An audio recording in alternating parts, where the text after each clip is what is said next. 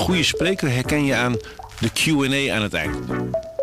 Onze lifehack-expert Martijn Aslander geeft je adviezen waar je echt wat aan hebt. Beluister en bekijk Martijn of een van onze andere experts op businesswise.nl. Businesswise, het nieuwe platform voor iedereen met ambitie.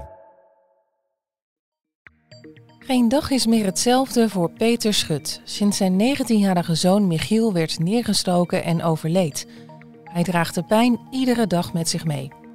Al vijf jaar gaat hij niet meer naar verjaardagen. Het is die impact waardoor hij aandacht wil vragen met een landelijke herdenkingsdag in Zwolle. Je luistert naar Moet je horen, waarin we bijzondere verhalen van de Stentor aan je voorlezen.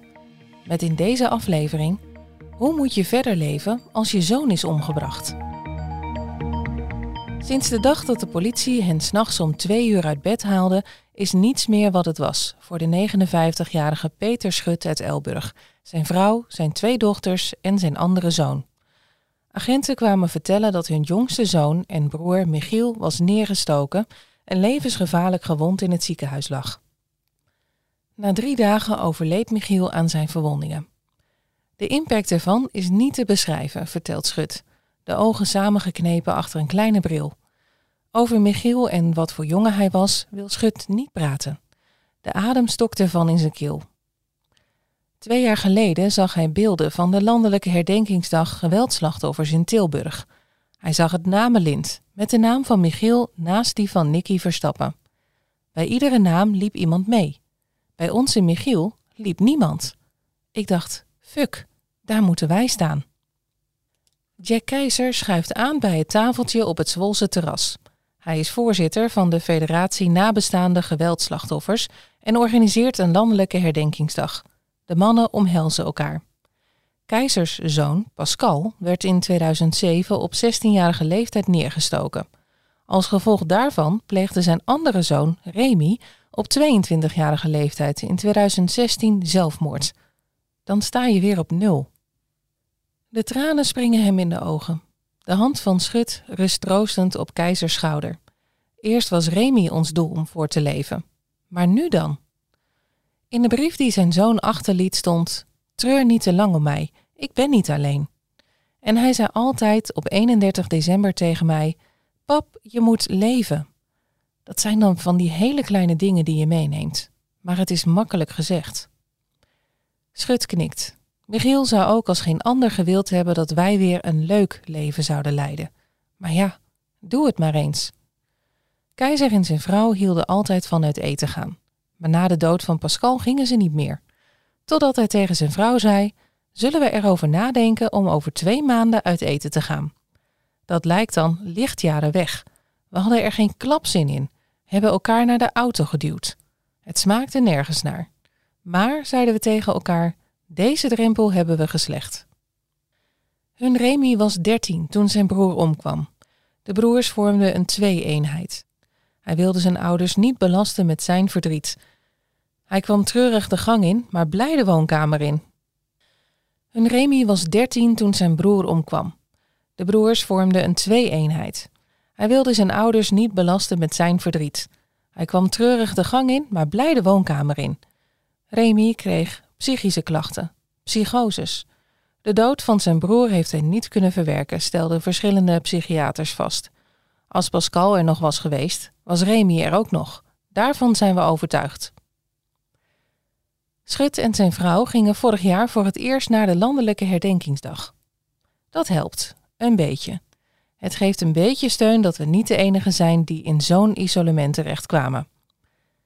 Schut stelde Keizer voor de herdenkingsdag naar Zwolle te halen. En dat gebeurde onlangs.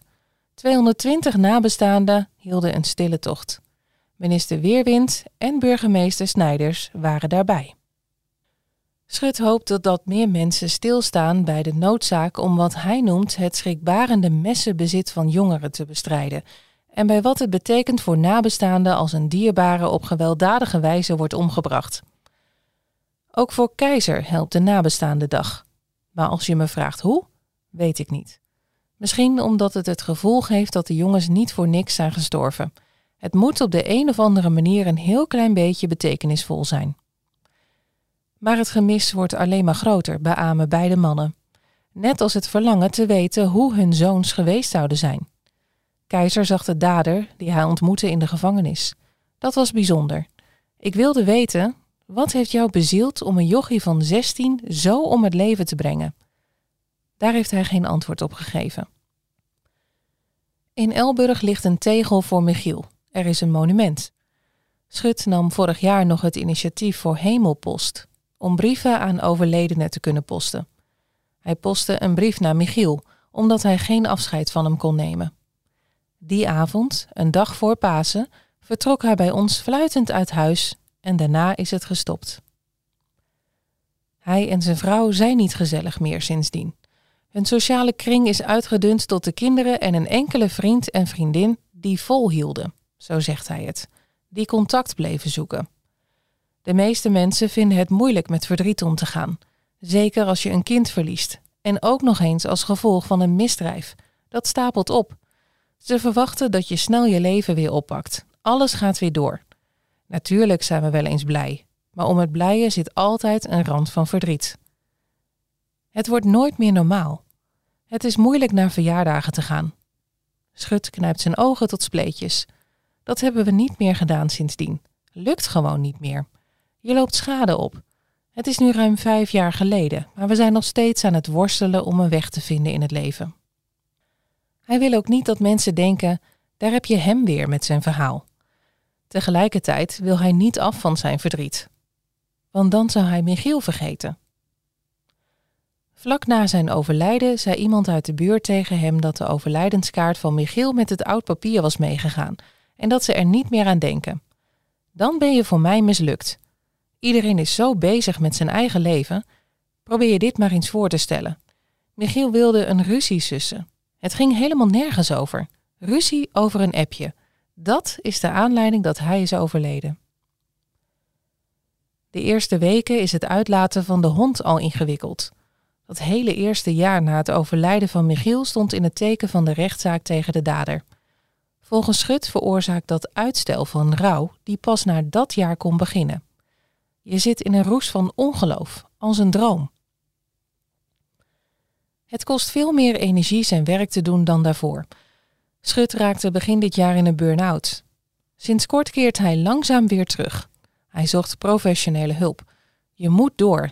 Het alternatief is stil blijven staan en dat kan niet. Niets is meer wat het was. Pasen, verjaardagen, moederdag, vaderdag. En er zijn in het nieuws de steekincidenten. Je wordt zo vaak in je eigen verhaal getriggerd, dus kijkt hij geen nieuws meer. Ze zaten een keer te eten en werden bediend door een jongen die dezelfde houding had als Michiel. Dan zit je ook allebei te huilen. Hun leven staat al vijf jaar op zijn kop, maar de dader loopt alweer vrij rond.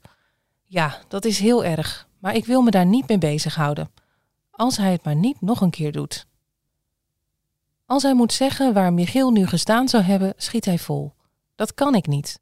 Daarom is oud en nieuw voor ons ook zo moeilijk. We gaan met z'n allen steeds een jaar verder. Je denkt alleen maar, was hij er maar. Keizer is het daarmee eens. Oud en nieuw is de zwaarste periode van het jaar, met stip. Niet te doen. Kerst ook niet.